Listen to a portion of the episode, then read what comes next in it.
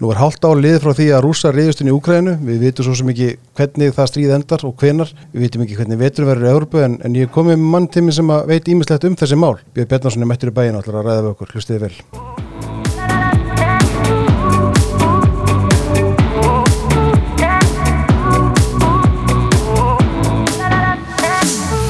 Velkomin.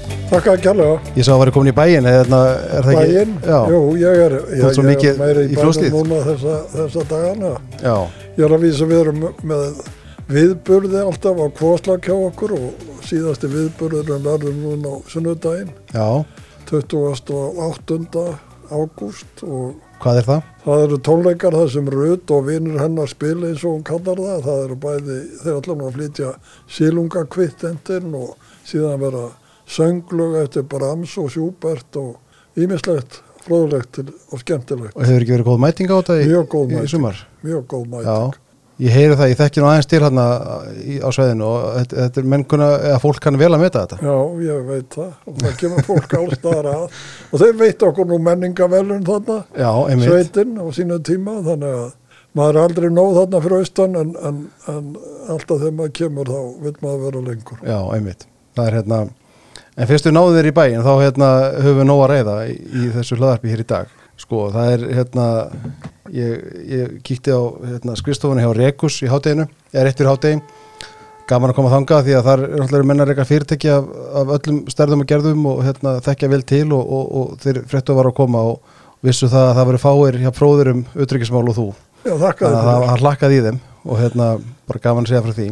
Sko, ég byrjaði hér á að fjalla um, um, um að það er halvt ár liðið frá því að rúsa ríðast inn í Ukraínu. Þú komst nú tíminn hérna nokkur dögum eftir, eftir innásina og hérna og við fjöllum aðeins um þetta þá og, og það var ekki sér gaman svona, já gaman, það er áhægt að taka stöðuna í dag. Sko hvernig, kannski svolítið flókin spurning en bara hvernig standa málinn akkurat núna?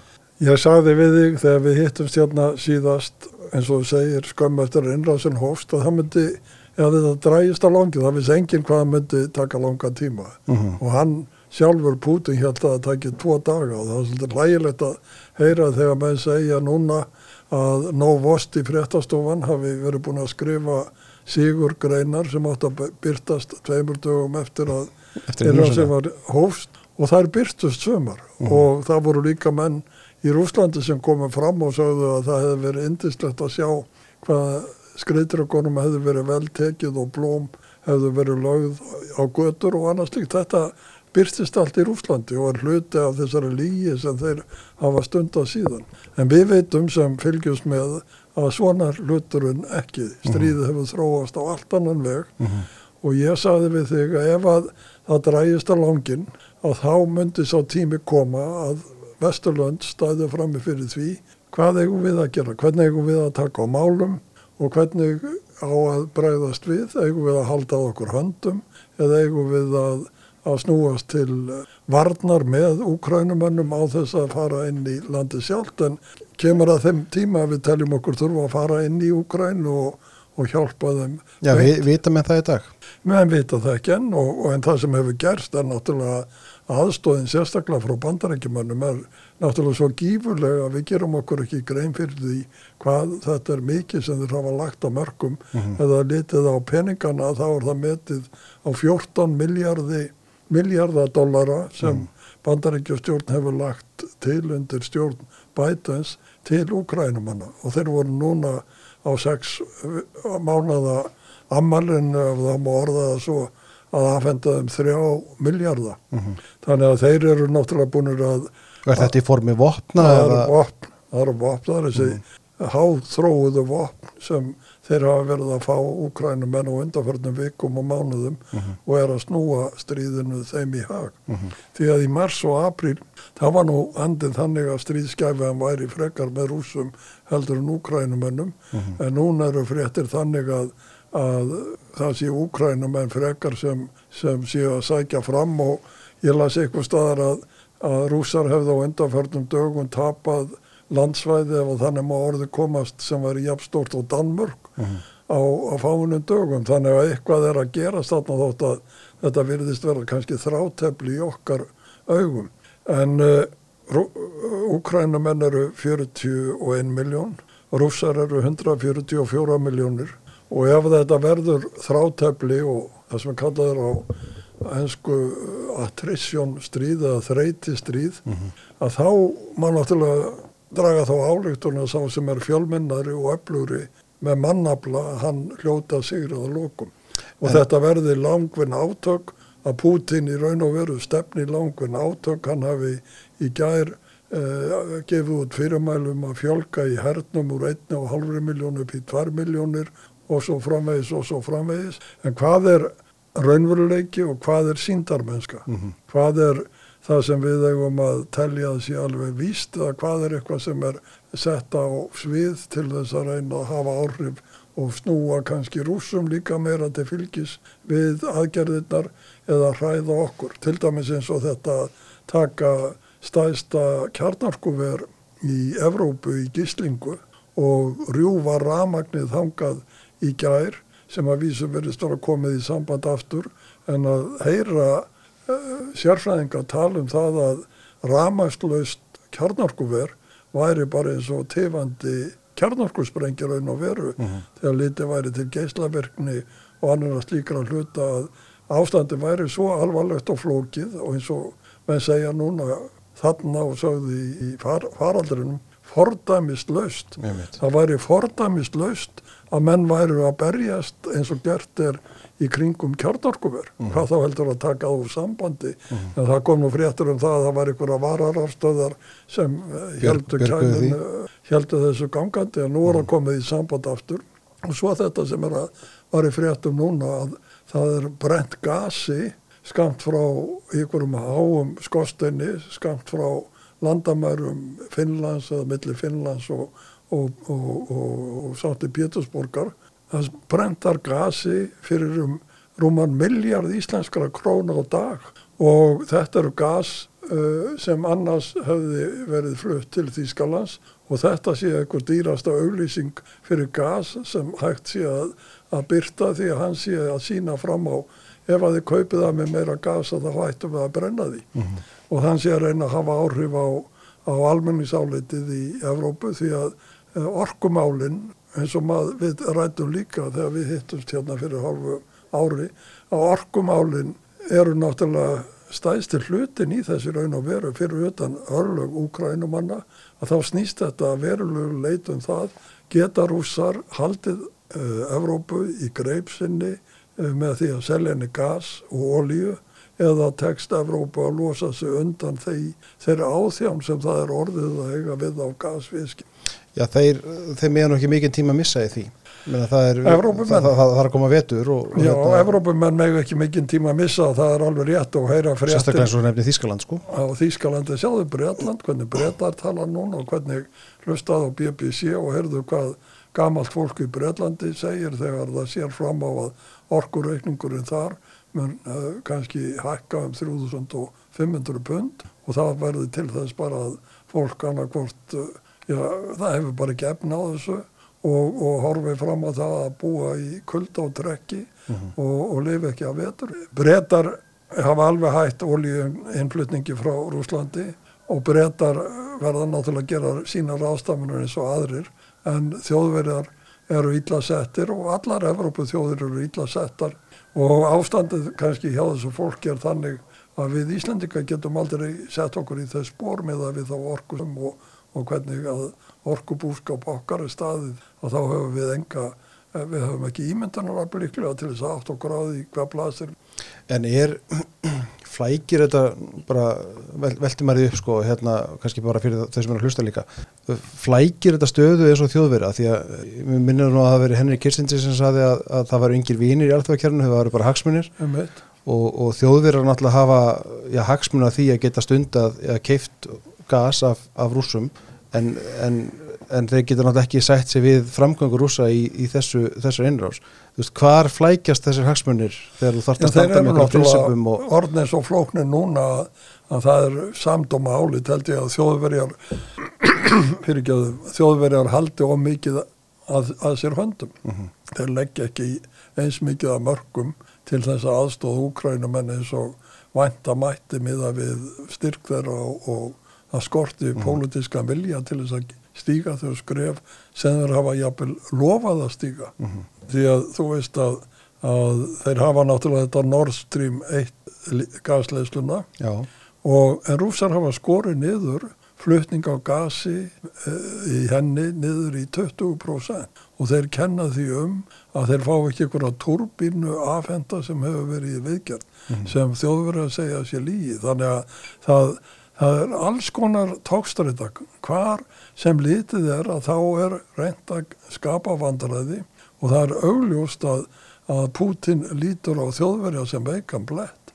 Og, og í Evrópu eru þeir uh, ekki hátt skrifaðir eins og það byrjtist nú í morgumblæðinu grein á dögunum eftir fósettisráðra Pólans, nágranna þjóðverja sem var nú mjög neikvæð í þeirra garð um það hvað þeir dræju lappitan og hvernig þeir væru og þeir hefðu engan rétt til þess innan Evrópusambassins að láta eins og þeir getu náð öllu sína fram þegar sá tími var í liðin og jafnvel var í staða frakka orðin veikari, Macron hefði orðið sér til skammar með þessu viðtölum við Putin í vonum að, að, að ná ykkur fram í samtölum við hann. fór og, eins fór og- hittan rétt fyrir Já, og einu hitt sinni. hann fyrir utan það, það var eins og þeir hafa nú sagt hverjum hefði dottið í hug í annari heimstyrjöldinni að, að ringja í Hitler og, og ætla að ræða við hann um það hvað þetta gera næst og þetta, þessar þjóður líta á Putin eins og Hitler og sjáðu hvað er að gerast í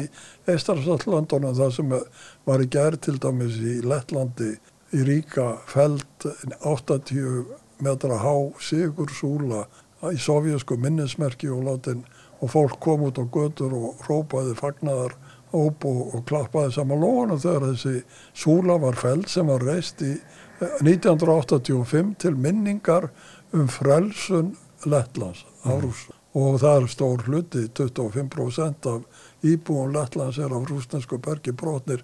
Þeir eru ekki trefnir að þessu en þingið í Lettlandi samþýtti þetta núna í mæ og síðan borgarstjórnin að rýfa þetta minnismerki sem er í hjartaríka og, og svona er þetta, það, þessar þjóðir að það er líta þannig á að innrásin í, í Úgrænu síni að það er búi í nágræni við stórveldi sem hekar ekki við að beita valdi til þess að ná sínu fram. og kemst upp með það allan í bili Kemst upp með það í bíli en þessi, en þessi þessar þjóðir það verður auðveldara innan gæsalappa fyrir þær að sætta sig við eh, hátt orkuverð og taka á sig þar byrðar sem því fylgir að vera í stríði við rúsa heldur en þjóðverja sem hafa undarfærin árundur Merkel og Schröder verið talin trúum að með því að þeir keiftu gas og orku frá rúsum að þá varu þeir að stuðla frið í Evrópu. Og skapa jafnvægi í Evrópu sem myndi leiða til þess að það kem ekki til ofriðar. Meðan aðrir hafa sagt og, og pólverjar og þess að austur-Evrópu þjóður hafa sagt þessi orku viðskipti við rúsa er bara eins og að setja snörun um hálsin á sig er það því að, að því að sko nú, nú er þeorían svo að, að ríki eigi að stunda viðskipti Jú. og eigi að hafa sammeila Jú. og það komi í vekk fyrir stríð í rauninni en er það þá að því að, að því að með voru bara að kaupa gas af rúsum eða þú veist, Nei, menn telja náttúrulega séu að viðskipti leiði til þess að þeir séu að skipta við heiðalegt fólk. Mhm. Þeir eru ekki að skipta við stríðsklæpamenn. Þeir vakna bara upp við það allt í einu 24. februar 2022 að þeir hafa verið í viðskiptum við stríðsklæpamenn. Og þeir trúðu því ekki. Þeir trúðu því greinilega ekki að Pútin væri sá maður sem hann hefur reynst vera og þeir sem búa nærónum Eistrarsalt þjóðirnar hafa verið að segja árum saman. Og enginn hefur kannski hlusta nóg og enginn hefur lagt. Það hefur verið kannski fleiri en eitt skóli og þannig má orða það í gangi, fleiri en einn stefna og það sem pólverjar eru að segja núna og pólski fósittisræðurann sagði þessari grein í morgunblæðinu, merkjuri grein og þessir fósittar Eistanslandana sem eru hér á Íslandi núna og utarkisráðurannir þegar lesa er þess að þetta fólk hefur verið að segja að þá er það búið að segja það lengi gætið ykkar, gerið ekki neina hluti gagvar þessu, þessu ríki undir stjórn þessa manns sem getur gert ykkur háða þeim. En þjóðverjar hlustuðu ekki á þetta og stígu hver skrefið eftir annað. Það var ekki ágreiningslaust sem Nord Stream 2 var í, í umræðum árum saman hvort það ætti að leggja þessa gasleislu eða ekki og það var gert en eitt af fyrsta sem gerðist eftir að innráð sem var gerð var að það var hægt við að, að láta gas fara að streyma eftir henni. Þannig að þessi hlið, gas, orkumálin og allt þetta hvaða afleðingar það hefur er, er, er eitt. Úkrænu bardagarnir, blóðu, blóðið í Úkræn er annað og þriðja uh, er fæðuöryggi. Mm. Hvernig þeir hafa notað þá aðstöðu sem þeir hafa vegna þess að Úkræna hefur verið eins og brauðkarfa fyrir stóran hluta heimsins og hvernig þeir hafa reynd að, að nota það. Það er nú búið að losa eitthvað um það en Mm. enga síður. Það eru þessi hlutir sem eru notaðir og síðan má nefna sem fjórða dæmið um það hvað, hvernig þetta er að ef það eru rúma 6 miljónir pólverja, nei, ungver, nei, úkrænumanna sem hafa flúiland. Þeim eru allstað verið veltekið í Evrópu og pólverjar meðal annars hafa náttúrulega sínt slíka uh, nágranna velvilda með ólíkindum er. 6 miljónur segjum það, segja að það er nú eitthvað að fara að snúa aftur tilbaka sem betur fyrir. Það er alveg örugt að þeir reiknaðu með því í Moskvu að með því að þessi mannfjöldi leiði land undir fót og færi inn í nágrannlöndin að það myndi styrkja stöðu þeirra og fólk myndi rýsa upp og, og ekki þóla að fá þennan ströym flóttamanna yfir sig. Því að þeir prófuðu þetta með fólki frá miðausturlöndum sem þeir flugu með frá Bagdad til, til eh, Belarus og letu það sækja á pólsku landamarinn og skapa vandraði þar. Og sumir segja, meiri segja að árásirnar í Sýrlandi, þessar hrikalegu árásir á borgir, Alep og eðilegja þessar borgir, miljóni manna eða hundruð þúsundir hafa lagt á flótta til mm. Evrópu og skapa gífulegan pólitíska vanda við það. Að það verður að líta þetta líka sem hluta þessum stríðsaðgerðum. Það er öllu beitt. Það er öllu beitt. Það er ekki, það er ekki eitt, það er allt sem er notað til þess að Og það er að sjá það einhvern veginn eftir á sko. Já, maður sér það núna hvernig þetta er að því að það kemur náttúrulega ljós ef þetta hefði tekið tvo daga og hann hefði lagt undir sig Úkrænu þá var Úkrænu menn í, í, í fangelsum núna búið að drepa stjórnina og, og ná þarna völdum en það gerðist ekki, þeir reysu upp og þeir eru að veita ansbyrnu á vývellinum og það er okkar hlutverk hinn að, að veita þeim stöðning og, og standa með þeim og sjá til þess að, að þetta því að ef það geng, gengur upp þarna, hva, hva, hver verður næst? Já, Og þú sér svo Pól, ne, Finna og Svíja ganga í NATO, Evrópusambandið samþykir að Úkræna verði umsóknaríki og bandaríkjaman hefja stóra flutninga og hergögnum og, og, og liðsabla til Evrópu. Og hvernig þetta allt gengur þvert á það sem hann pólitíst sem vakti fyrir Putin og nú er komið þannig að það er farið að flytja hermenn úr herstöðum við finsku landamærin, við norsku landamærin og annar staðar til Úkrænu til þess að berja starra því að það er svo uh, fámennt og, illa búið að allu.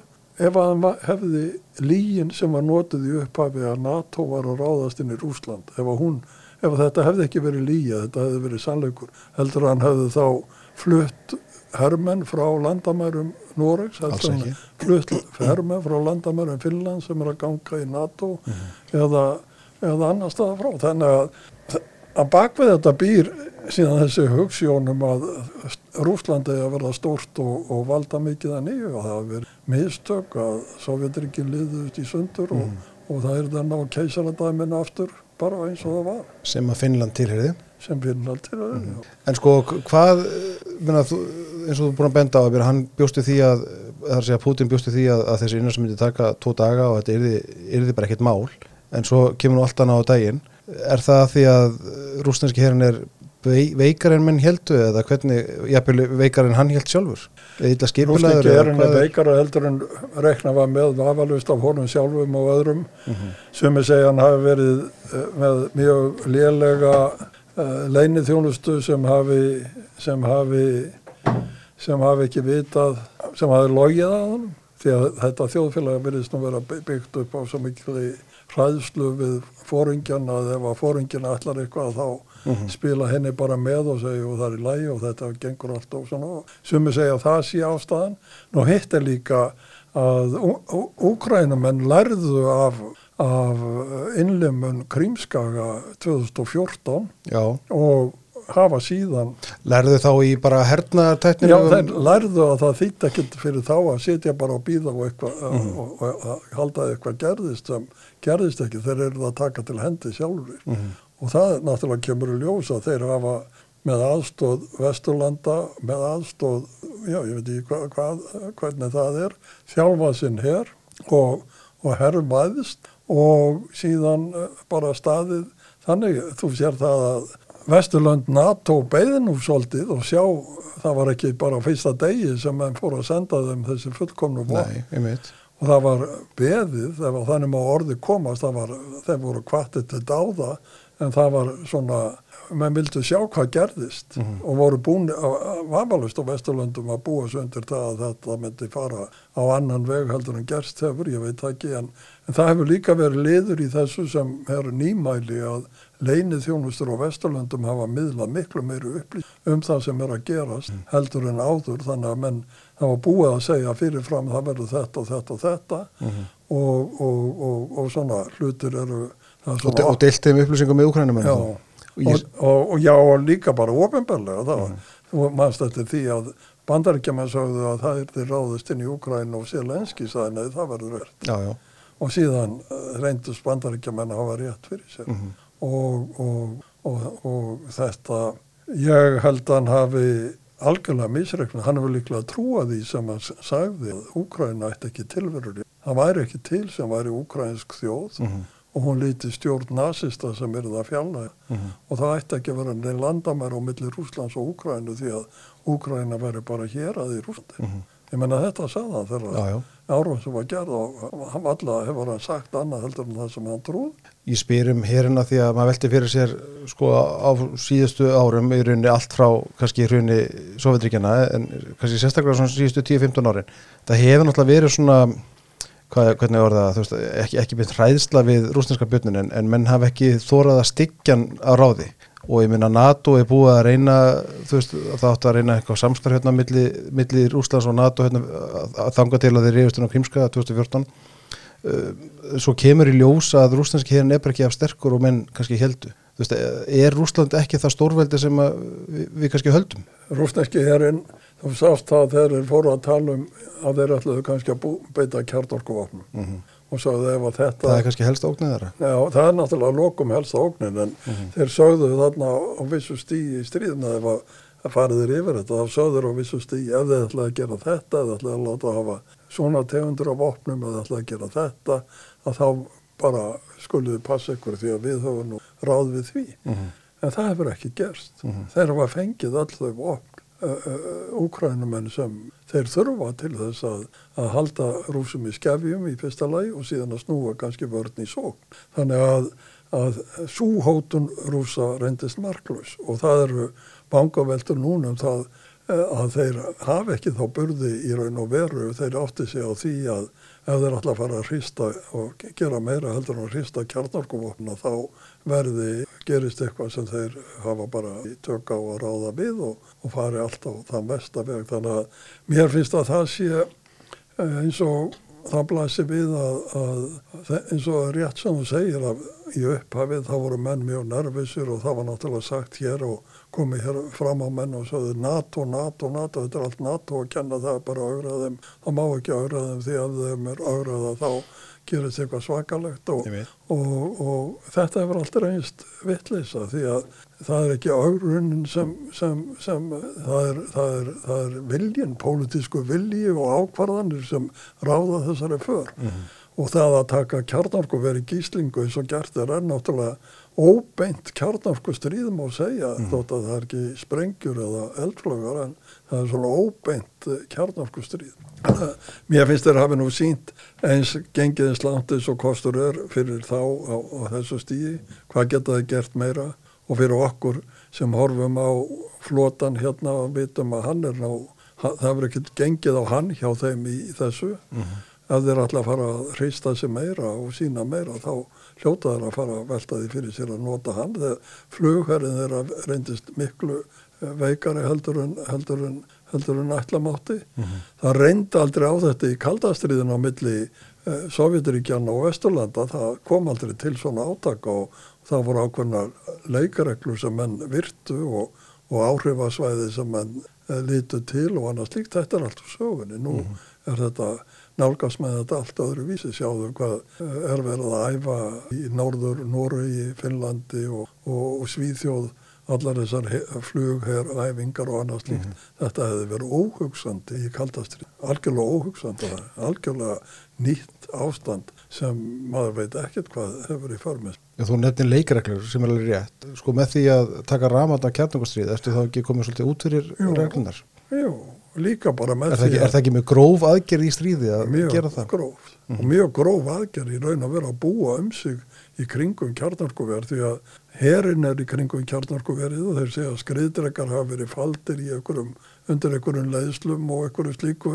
En starfsmennirinn eru allir úkrænumenn og halda þessu gangandi og hann og maður sem var rætt við BBC í gær, hann segir það er ómannlegt að þessi menn standist þessa áraun að halda þessu kjarnarkuveri gangandi við þessar aðstæður í marga mánuði því þeir tóku það í mars og, og að þetta, hann var svo hrættur en það þessi maður að, að, að bara andlega uh, ástandið uh, líkamlega og þrek þeirra sem stæðu þarna vaktina að það myndi ekki þóla þetta miklu lengi. Þannig að við erum á við erum svona, þetta er allt í játnum ef að þannig má orðu komast, hvernig hlutinir eru og þegar þeir eru farnir úkrænmenn síðan að, að senda rústum þegar skilabóð þegar við getum alveg grandað ykkur um grímskaga mm -hmm.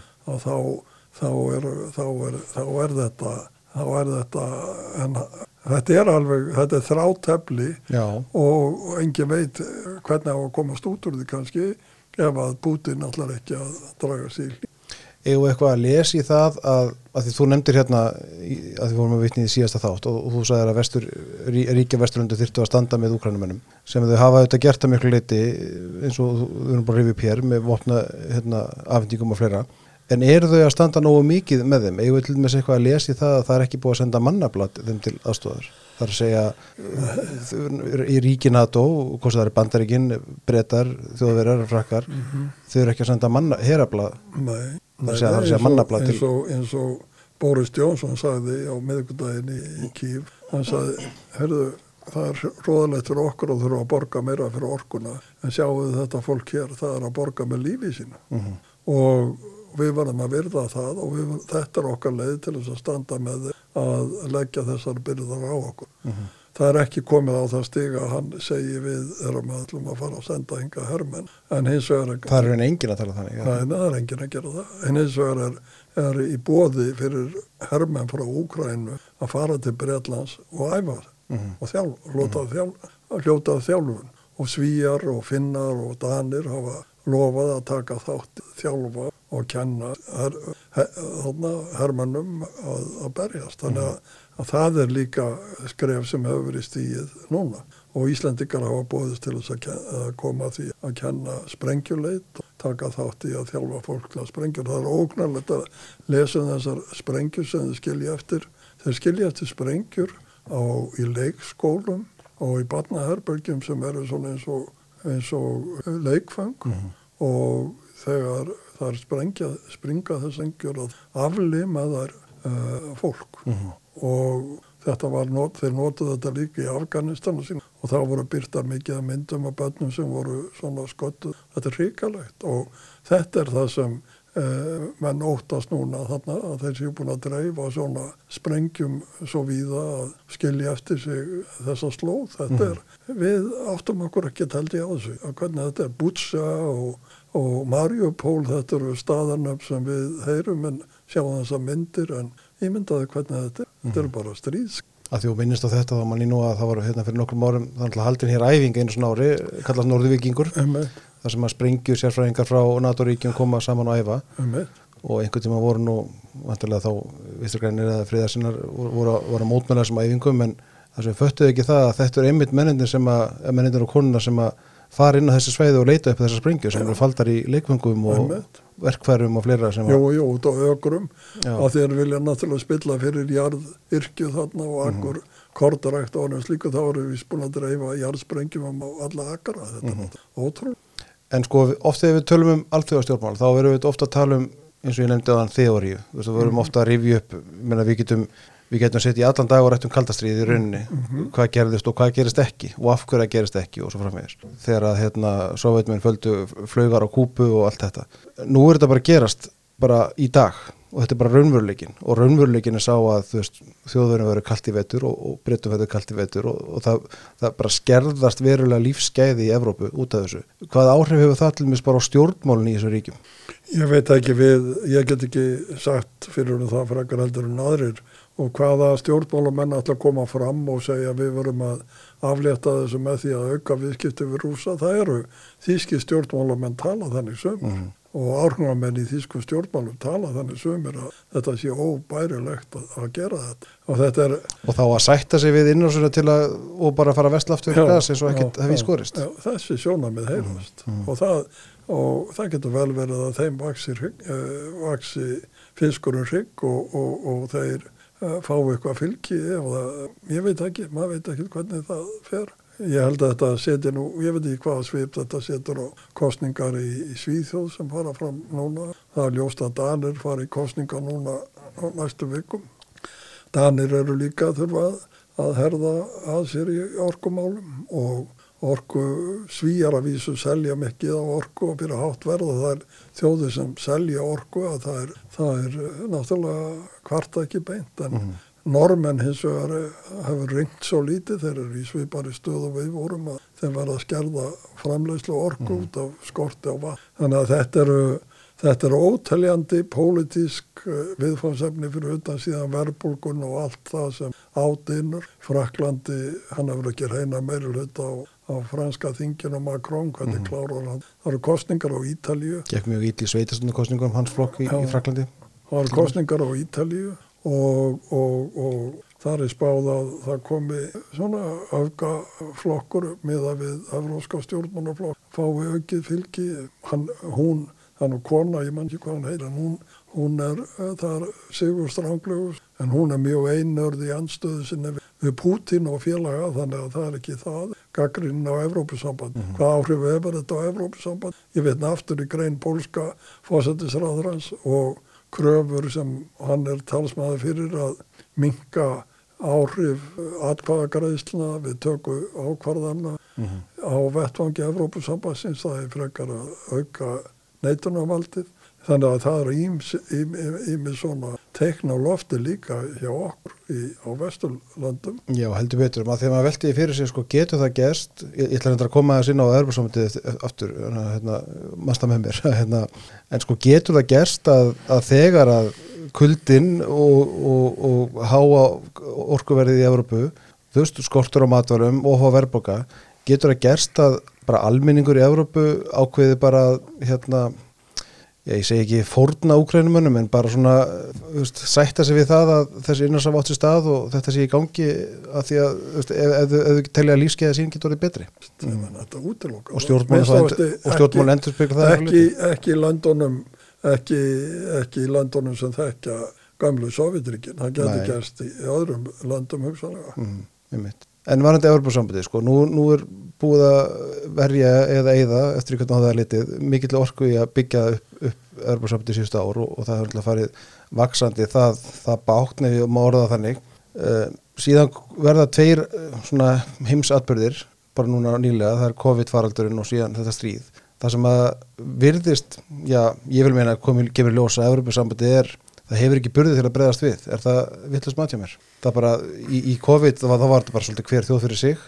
Og núna þá er einhvern veginn Evropasamt er ekki prímus mótor í aðgjörðum gegn rúsum eða Nei, sem betur fer því að það hefur ekki yfir þeim herabla ráða að þeir skipul, skip, því skipulega ráða sem NATO ræður yfir. Þannig að það hefur nú aldrei komið til ef að, að Evrópusambandi geti komið þar að málum með þeim hætti sem NATO gerir.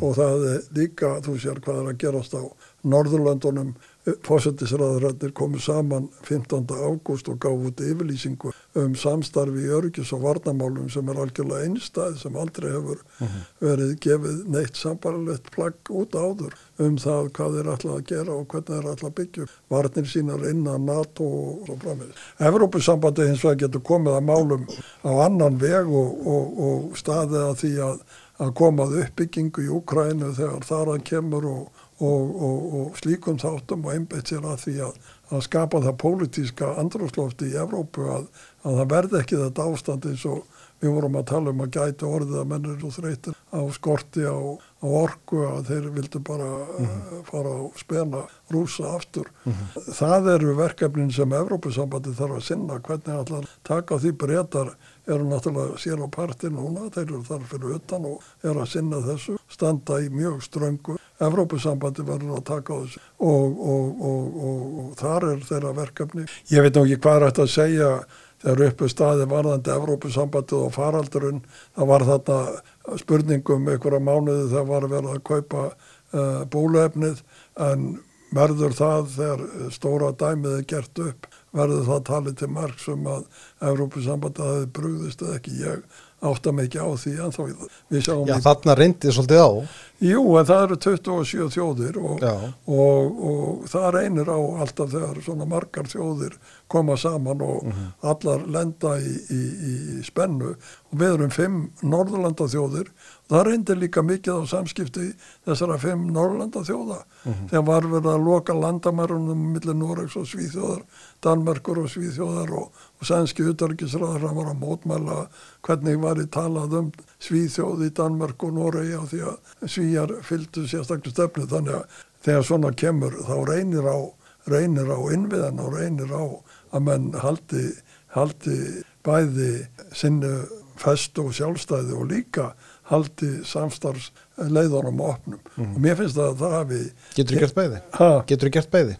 Já, það hefur tekist að gera. Mm -hmm. Ég meina, allt er þetta að þú sér tekst að tekst Erdogan að koma í veg fyrir aðild sví og finna NATO. Það sjá allir að hann er að nota allt það sem hann hefur all spila á hendinni til þess að styrkja í einn stöðu. Mm -hmm. En heldur hann gangi svo langt hann allir að, að, að koma í veg fyrir þess að þjóður komin. Þjóðir spila á, á, á, með eigin hagsmunni innan þeirra þeir, þeir marka sem það er telja skynsanlegar. Ef þeir vilja fara út fyrir þau mörgnu þá gerist eitthvað sem er óskynsalagt en mm -hmm. pólverjar, svo er notið þá mér finnst það nefnilega mjög lærtámsrikt að sjá hvað er að gera með pólverjarna núna sem átt að íta til hliðar í, í, í ESB var talið þeir væri með þá stjórnarhætti að menn get ekki sætt sig almenna við þá Já.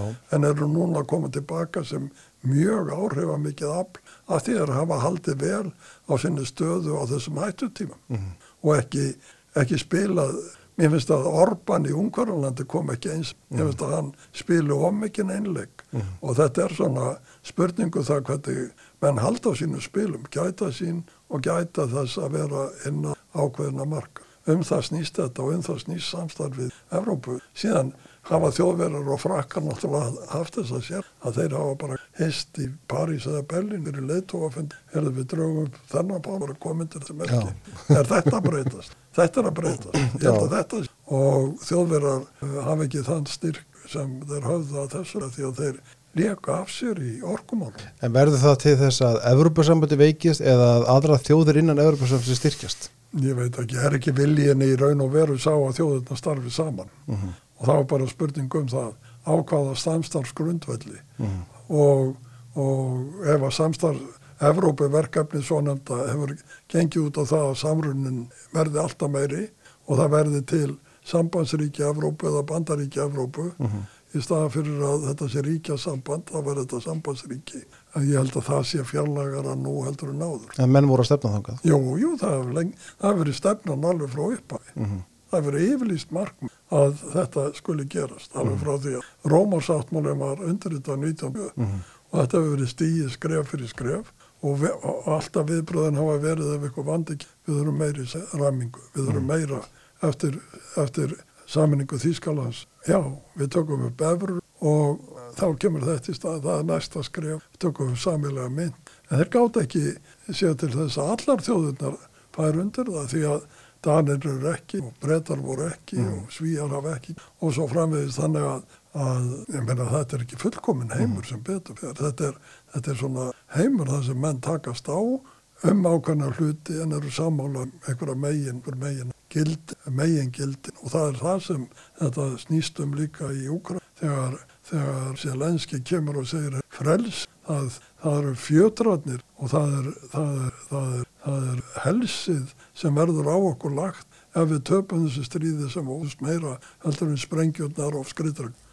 Það er þetta sem þessi hugssjón og þessi mannúð og þetta mannúðlega viðhorf sem þjóðirnar eru samálum og, og, og heldur þeim saman. Það er það sem úkrænumenn vilja ekki afsala sér. 92% í skoðanakönnun af úkrænumennum sína stuðning að berjast til þrau. Það er kannski erfiðar að, er erfiðar að endur þessa gildin heldur en einhverja byggingar. Það er miklu erfiðara því að þú, þú sér nú hvernig farið er með gildin, svo kvölduð í Rúslandi, hvaða gildi var. Mm. Borgastjórn, þekktur maður, tekin fyrir að nota orðið stríð og verður líklega lokaður inn í fimm ári í fangelsi. Mhm. Ég menna, ef þú stendur fram með fyrir því annars vegar að berjast og gefast ekki upp og hins vegar að búa við þess og þú þekkir kannski fyrir ástandi, þá hlýtur þú að velja frekar að reyna að berja lendir ekki, það get ekki. Þetta er, þetta er í kjarni, þetta er kjarni málsins þegar litið er á þessi átök, þetta mm. snúast, svo getur menn. Og ef að Evrópu þjóðunar vilja ekki líta þetta svona og þá, þá bara er það að glata meiru heldur en orku. Mm. Það er annars konar orka sem hverfur Já. við að fá gasið. Óeiginlega orka. Já. En hva, hvaða vini á Putin í dag? Meina, við, við, sko, við því upp kannski hérna, síðast og, og það var gaman veltað upp aftur að sko, hver er, hver er sterkikallin í þessu öllu saman? Er hann til? Sterkikallin er náttúrulega, ég held að kynverjar stiðjan að vissu marki, mm -hmm. þeir vilja ekki ganga of langt. Of langt segi ég að þeir vilja ekki ganga nóg of langt líklega frá sjónamiði rúsa. Hann á norður kórumenn hafa líst yfir stuðningi við hann og það er fréttur um það að hugsalega sendir norður kórumenn af því að það eru bara þrælar þar sko, mm -hmm. það verður sendir til, til austur hluta Úkrænu til þess að fara þar í húsbygging, sírlendingar stiðja og, og hvað, eitthvað eitt, maður kemur þess ekki Já, þessum þjóðum eru kýmirar kannski eina sterka þjóðum Jó, en kýmverjar, kýmverjar eru, þú sér það að kýmverjar til dæmis, það eru núna fréttur um það að kýmverjar séu alveg að draga saman alla, allt það sem snertir siglingar norðurleðina fyrir norðan Rúsland.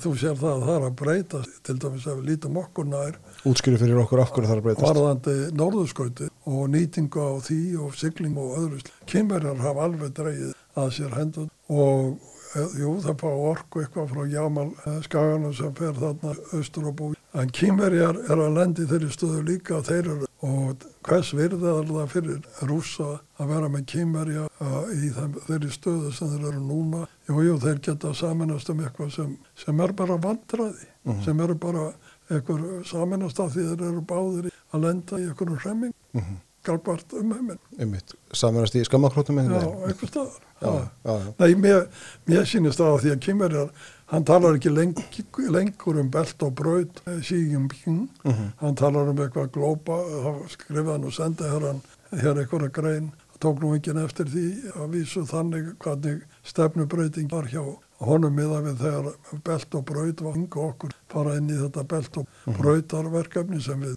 sem betur fyrir gerðum ekki mm -hmm. og er komið í algjörð þrótt núna að, að þá, þá er þeir, í allt annar stöðu kymur og hann er náttúrulega berjast lífið sínu og í Kína náttúrulega ná kjöri sem hann nær vafalut en hann er í vondru stöðu heima fyrir. Til, sem fósetti til eilíðar sem er gjörbreyting á því sem verið hefur. Mm -hmm og hann er að vinna því og hann beitir svipaðum aðferðum og Putin að þakka alla hansstöðu niður og mm. handtaka menn og brjóta á baka hann telur síðan hættulegt. Eru bandarækjumenn hérna ennþá, ef við segja, sterkastir í hringnum eða hvernig er það? Er náttúrulega sterkastir, það er lið hernaðamann og sterkast mm -hmm. og það varir leik og hvernig þetta þróast og hvernig þetta stokkast upp kemur í ljós en, en, en þeir eru náttúrulega bera höfuð og herðar í annu ríki það litið og hernaðamátti. Mm -hmm. Að því ég minnast á bandreikin þá hérna, þú varst nú að fjallum það á vefsíðu þinni byrjun þessa mánuðar að, að það lægi fyrir frumvarp í bandarska þinginu um, um aukin, aukin viðskipti við aðra þjóðir og það er meðal fríværslega með Ísland. Nei, það, frumvarpið er um aðgerðir að styrkja á norðurslóðum. Já, norðurslóður já, og þar er minnst á umboð sem þingið þarf að veita til þess að gerð, verði gerður fríværslega samningund mm -hmm. Sem er náttúrulega mikilvægt skref miða við það hvað Íslandingar hafa á undanförnum árum lagt áherslu á það að fá við á fríværslega samning. Mhm. Þetta er náttúrulega ferli sem er langt, ég veit ekki hva, hvort að þetta frumvarp sem uh, hún flyttur þarna Múr, Múrkovski sem er Lísa sem er senator í, Alaska já, og hvað er þetta King sem er í senator í Maine og, og þau flytja þetta og hann er óháður en stiður í að demokrata og hún er republikani. Mhm. Þau eru saman í sérstökum norðurslóða hópi öldungadeildarinnar og flytja þetta vafalust í nafni hans og þá er þetta standa báðir flokkar að þessu. Hvort þetta verður hugsanlega samþýtt fyrir kostningarnar, maður veit maður ekki. Mhm. Það, er, það er náttúrulega ábyggilega fjöldi mála sem býður afgreðslu í þinginu núna fram að kostningunum í november. Mhm. En ef þetta verður samþýtt að þá er náttúrulega komin nýr flötur í samskip og bandaríkjamanna. Þá er þetta, þá er komin þessi, þessi um, þetta umboð frá senatinu. Mhm. og það er verið að skipa hér nýja sendiherra bandaríkjana og sem að hérna og þú fellaði nú líka á það um daginn að, að, hérna, að hún þegar hún kom fyrir þingnemnd hérna, áður hún var skipuð að þá rætti hún mikið um öryggis og va- varnamál uh, samstar Ísland og band, Íslands og bandaríkjana er, er það eitthvað sem við munum sjá þróast? Já, við hefum náttúrulega áttum þetta nána samband við þá með herraflað þeirra hér frá 1951 til 2006 Mhm. og þá hefði aldrei svona umræði farið fram í bandaríkja þingi um sendi herra bandaríkjana að það var nöðsynlegt að, að, að þróa þetta á þann veg sem hún talaði um því að það lág alveg í augum uppi að, að þetta samband var. Og bandaríkjama voru hér 5.000 manns eða hvað þeir voru margir. Og flotafóringi fór hér með og kom framgangvað íslensku stjórnvöldum samhliða sendi herranu sem var settur honum ofar í tegnaröðin ef að þannig má orðið komast. Nú er, nú er við sjálfur sem berum ábyrða á öll á keflaugulhúvilli og bandaríkjumenn hafa verið, verið með varnarsamning og hafa heimilsangvað tónu til þess að gera hér ákvæmna rástafunni sem við verðum að Mhm. og þeir hafa verið að koma hér og það er búið að, að, að ákveða framkvæmdi til dæmis á geimslu fyrir flugherrin þannig að flugherrin geti komið hér og flugvelar hans starfa hérðan. Hver er eiga að verja þetta?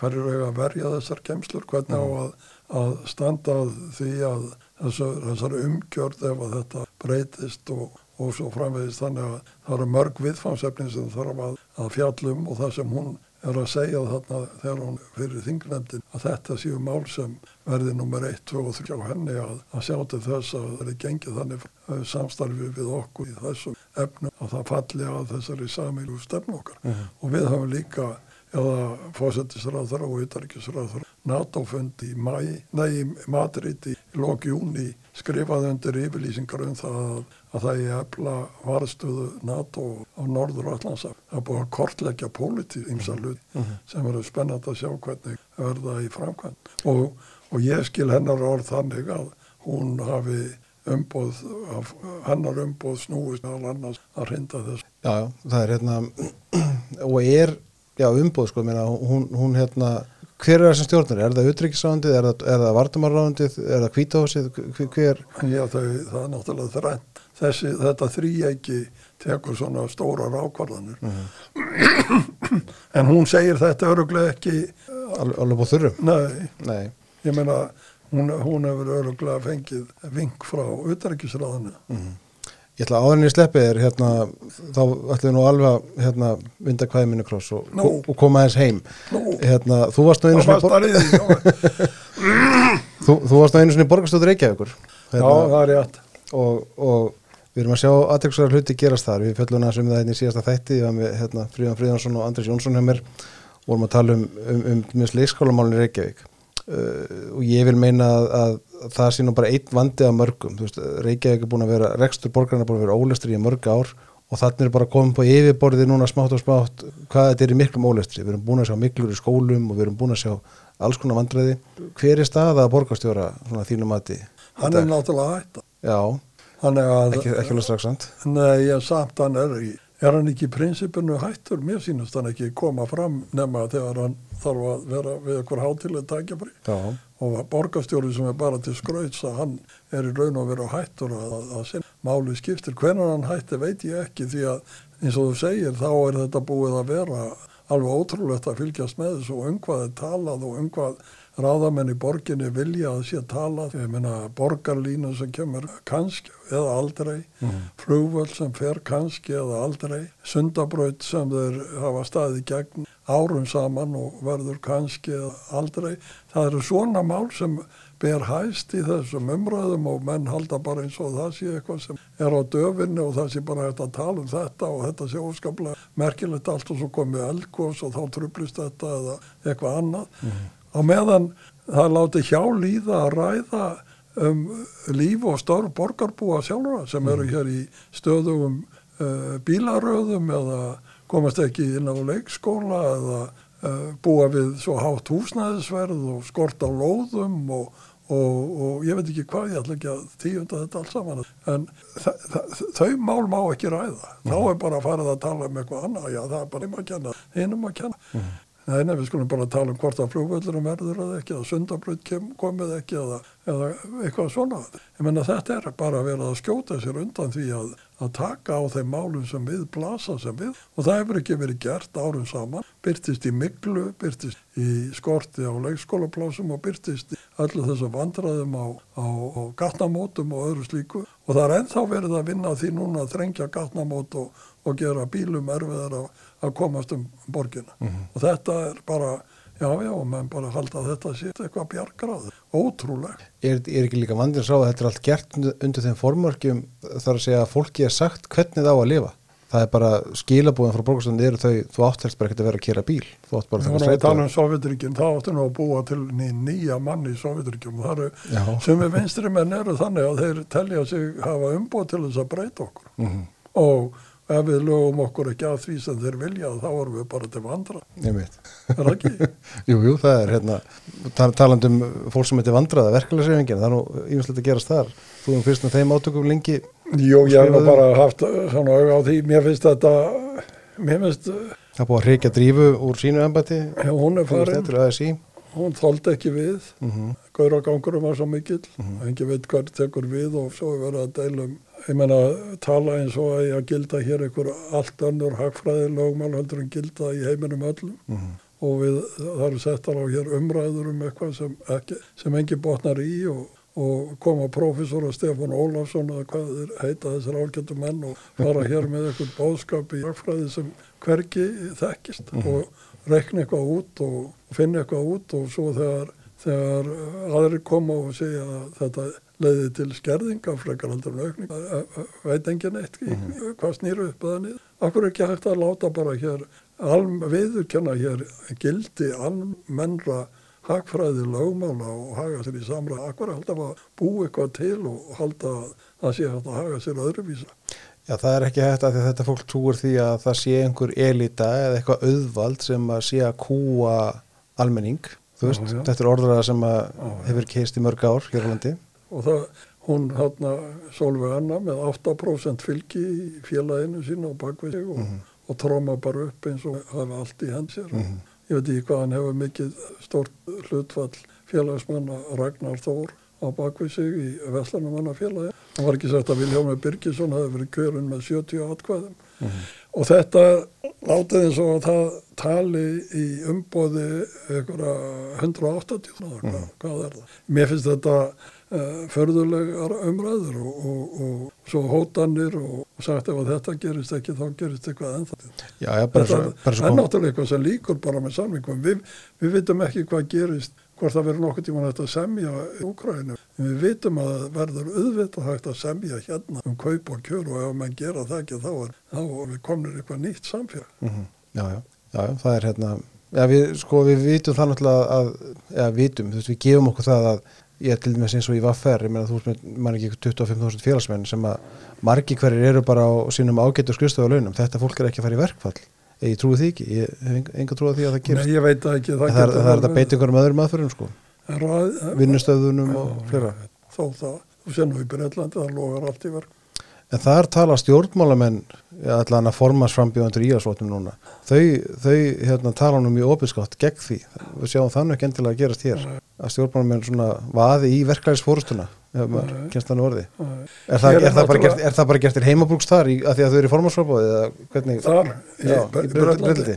Já, þau vita náttúrulega líka að hlutfall breskra þegna sem eru aðilar af verkefælisfélagum er mjög lagra heldur en hér. Mhm. Og að það er svo að 92% af hvað það er, meira 90% af hvað það er af fólki hér og vinnumarkað er í verkefælisfélagum, að þá er það náttúrulega gífurleg aðstæða sem þeir hafa sem telja tala í nafnið fólk.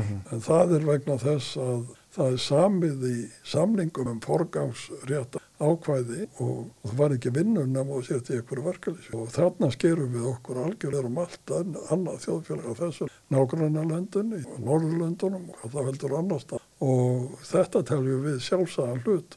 En það er maður velta fyrir sér, er hann svo sjálfsagður ef, að það, eh, ef hann er misnotaður? Mhm. og ef að fólk er, er misbóðið með því sem geng, hvernig gengið er fram er þetta þá alveg reynd nöðsynlegt að hafa eða er ekki að, að skipulegja um allt öðrum hætti auka hér frjálsræði og þessu eins og við ættum að fleiri svið við erum Já, mjög kerfisbundið þjóðfélag mjög með kerfisdýrk Já, er það, af, af hverju er það? Segðu mig þú sem allt veist. Ég, ég veit að, ég, ég held að geti nú verið vegna þess að almennt síðan hefur okkur gengið og við höfum ekki síðan ástæði til að gera já brótakar ástæðan og mörgus og aðra þjóður sem hefur ekki eins. En ef það fer að, að því að menn hafa sínt skynsemi og komið sér saman um ákveðna hlut, en ef að menn fara að haga sér eins og þú lýst veit ekki hvað, ykkur upp sem ráða þá er náttúrulega komið á eitthvað nýtt stig sem verður að skoða. Það er ekkert sjálfgefið en til í þessu að rugga bátnum á margvísan hátt á mm Mm Og þau gerir það. En okkur erum við, ættum við að gera það, ég held að við ættum nú frekar að byrja á öðrum sviðum kannski, ég held að við ættum að, við erum með hvað með 60.000 manns af erlendu bergi brotið sem býr hér á landi, ekki er ég á móti því ef að það kemur allt löglega til lands og Mhm. staðið er að því á þann hátt að, að eðlilegt er, en við, En við þurfum bara á því vinnuöfla að við halda. þurfum að að halda, við þurfum að halda vel utan um þetta allt saman Mhm. og gæta okkar líka að opna allar gáttir og við ráðum ekki við. En á sama tíma finnst mér að við eigum að opna meira erlendri fjárfesting. Mhm. og mér finnst að kerfis uh, sjónamiðin sem ráði til dæmis í samkeppnismálum Mhm. og núna byrtist í þessum umræðum um, um mílu söluna og allt það. Ég finnst það að sína að við erum á einhverju öðru stíi heldur en aðrar þjóðir og ef það er svo, ég man nú ekki að þess að tölur að 5% í kaupullinni hérna séu erlend fjárfestingan hún sé hvað 70% til dæmis annars þar á Norrlöndunum, ég veit ekki hvað það er en þá erum við eitthvað stað stattir á einhverju, einhverju róli sem er kannski ekki endilega það skynsanlegast að miða við þessa alþjóðavæðingu sem er og, og, og, og hvernig þessum málum er háttað. Þannig að við erum mjög opið þjóðfélag þegar kemur að mannhauðnum Mhm. það sína allar tölur og líka ferðamannaströymur og annars. En þegar kemur að fjárfestingu í innviðunum og fjárfestingu í því sem þarf að vera fyrir hendi til þjóðfélagi þróist og haldi alla breyting, að þá erum við frekar í Er eitthvað og miklu kerfiskallar. er eitthvað sem útskýrir það við, við erum einhvern veginn á móti ég segi ekki á móti en við erum allar mjög skeptíska á Erlend fjármagn Já, ég, þú getur svarað því. Ég held, við höfum náttúrulega tekið inn erlend fyrirtæki eins og alverinn sem er, það var nú ekki auðvelt að fá þá erlendu fjárfestingin í landi þar sem Mhm. erlendir aðilar fjárfesta í landi í, í rekstri sem er arbar og skapar. Það kostaði mikið stríð. var það ekki sótt með handabli af stjórnmálmennum á sínum tíma Jú, jú, það var, það var, það var, það var ekkit einfalt mál, það var hart tekist á um það. Það er hart tekist á um að virka, það er hart tekist á um uh, framfarir og, og, og, og við verðum að passa okkur á þetta, við mögum ekki loka okkur. Það er hart tekist á um það hvort að ég opna helbriðiskerfi fyrir meiri engarekstri. Mhm. Það er alveg augljóst að það ríki getur ekki leist þau mála og ég held að það sé eitt af vandræðunum í Breitlandi hvað þeir er búin að íta mikið undir þetta ofinbara helbrið að þeir, þeir, það loftar ekki ekki um það á Norrlöndunum annar staðar hef, hefur verið losa mjög mikið um tökin, ríkistökin og helbrið. Við erum hér,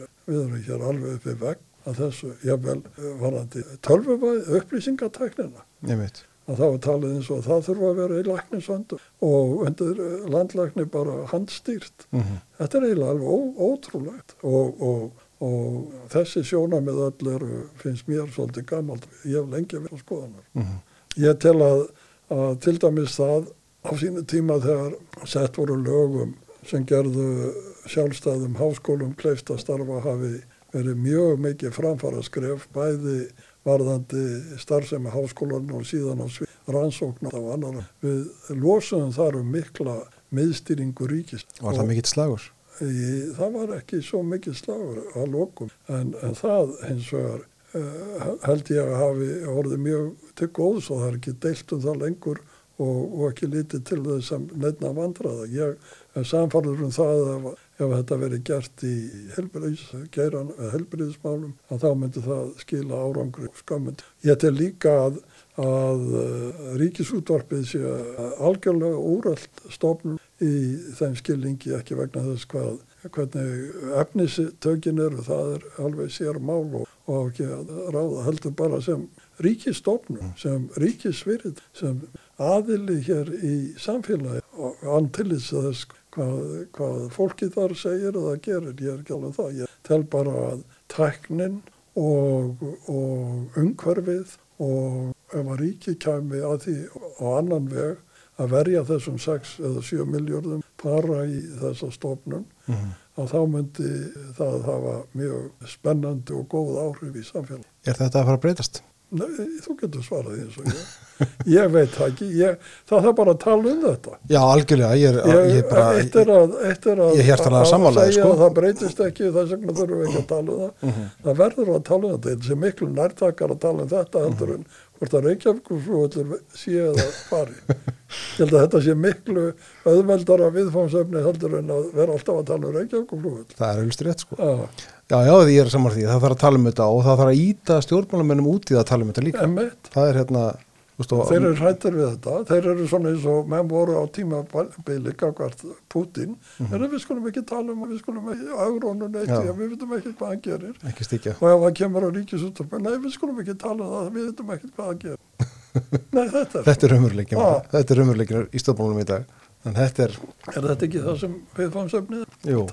Já. þetta er í í. Ég þarf að fá því oftar í þáttinu bara. það er nóg að segja. Ertu á leiðinni sveitin áttur? Ég fer í sveitina núna eins og ég sagði að við erum með tónleika um helgina Já, sunnudaginn. og sunnudaginn og, og ég þarf að förum eftir hátta á morgun því að þeir eru hér, hljóðfærarleikararnir eru búsettir í Reykjavík og þurfa að æfa hér þannig að síðasta æfingin hjá þeim verður á morgun. Já. Björn Bjarnarsson, ég þarf að fá því flótilega þakka ekki kærlega. Takk fyrir komuna.